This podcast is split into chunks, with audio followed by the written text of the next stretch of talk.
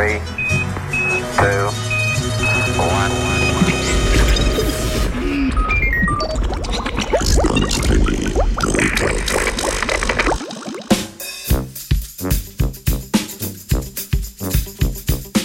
Od, odkrit kisik v atmosferi kometa Čurjumov-Gerasimenko, popravljanje računalnika v Marsovi krožnici, let na Grenlandiji ne postaja temnejši.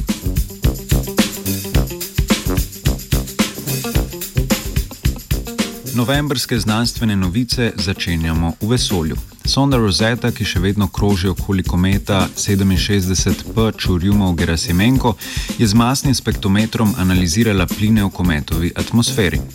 Raziskovalna skupina z Univerze v Bernu je rezultate preučila in odkrila presenetljivo velik delež molekularnega kisika O2. Tega, za razliko od etanola, ki izhlapeva iz kometa Lovejoy, ne moremo zaznati z analizo emisijskega spektra v zemeljskih observatorijih.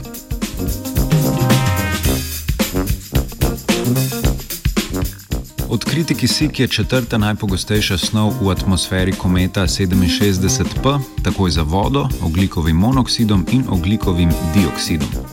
Rezultati so nepričakovani, saj so znanstveniki do zdaj domnevali, da zelo reaktiven kisik ne bi mogel preživeti milijarde let, ne da bi reagiral z drugimi snovmi.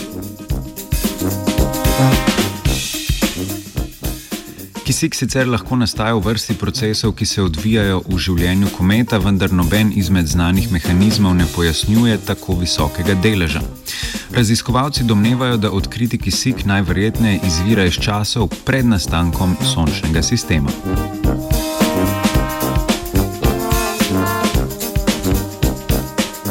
Danes nameravajo nasini inženirji z razdalje 329 milijonov km spremeniti podatke o položajih Zemlje in Sonca v enem izmed dveh računalnikov v plovilu Mars Reconnaissance Orbiter. Ta satelit kroži okoli Marsa že deseto leto, kar je osem let več od prvotnega načrta. Sprememba podatkov je nujna, ker so bili omenjeni podatki vnešeni zgolj za deset let. Satelit namreč potrebuje podatke o položajih, da lahko v primeru nepričakovanega ponovnega zagona obrne svojo anteno proti Zemlji, sončne celice pa proti Soncu.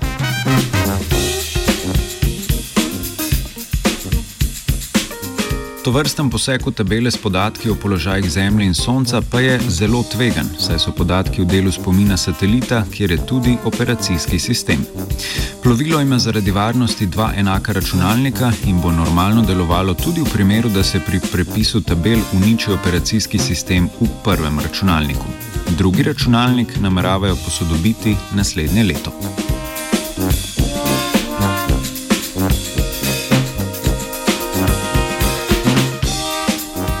Da bi nekateri sateliti, ki krožijo okoli Zemlje, prav tako nujno potrebovali posodobitev programske opreme, pa so dokazali Kris Polašenski in njegovi kolegi z Univerze v Dartmouthu. V reviji Geophysical Research Letters je raziskovalna skupina objavila članek o analizi ledu na Grenlandiji, ki nasprotuje dosedanjim predstavam o tem, da se albedo oziroma odbojnost ledu zmanjšuje že od leta 2001.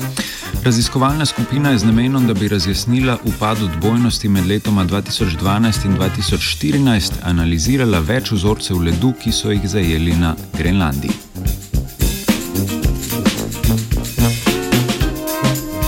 Tako so ugotovili, da se delež oglika v ledu v zadnjih 60 letih ni spremenil. V zadnjih 12 tisoč letih se tudi ni spreminjala količina in mineralna sestava prahu v ledu, prav tako pa so kot dejavnik, ki bi prispeval k potemnitvi, izključili rast alg. Izkazalo se je, da je do zmotnih prepričanj o zmanjševanju odbojnosti prišlo zaradi neupoštevanja postopne degradacije zaznav na nasilnih satelitih MODIS.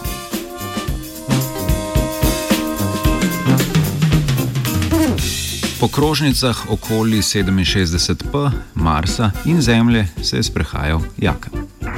Three, two, one.